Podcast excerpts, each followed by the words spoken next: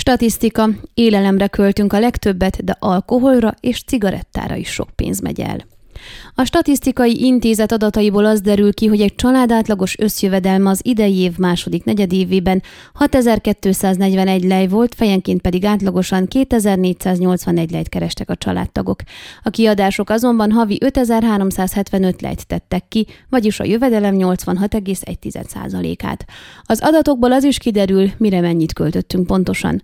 A kiadásaink legnagyobb részét, 35,1%-ot élelmiszerekre és nem alkoholos italokra költöttünk, összesen átlagosan 1160 lejt. Rögtön ezután a második legnagyobb költség a rezsi, vagyis a víz, gáz, elektromos áram és egyéb közüzemi számlák. Erre a kiadásaink 15,5%-a ment rá, átlagosan 513 lej.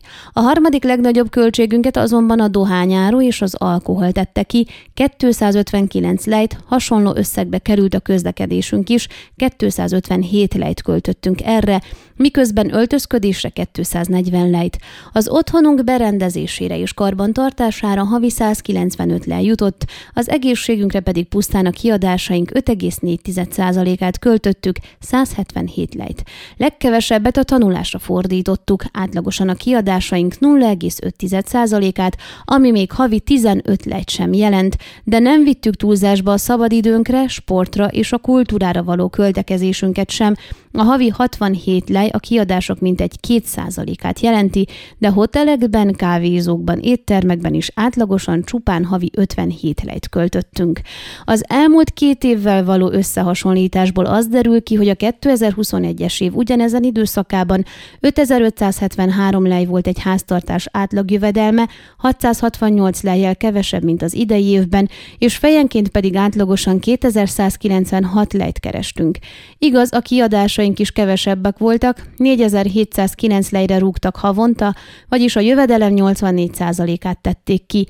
2020-ban 5077 lej volt egy család átlagjövedelme, és 4163 lejt tettek ki a kiadásaik, vagyis a jövedelem 82%-át, ami ugye a 2022-es évben 86% volt. Mindezekből úgy tűnik, mintha évről évre valamivel rosszabbul élnénk, a jövedelmünkből egyre nagyobb és nagyobb részt fordítunk a mindennapi megélhetésre.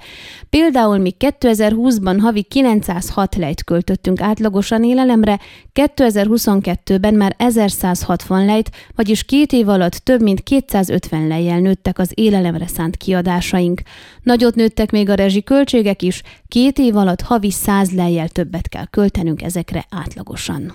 Ön a Székelyhon aktuális podcastjét hallgatta. Amennyiben nem akar lemaradni a régió életéről a jövőben sem, akkor iratkozzon fel a csatornára, vagy keresse podcast műsorainkat a székelyhon.pro portálon.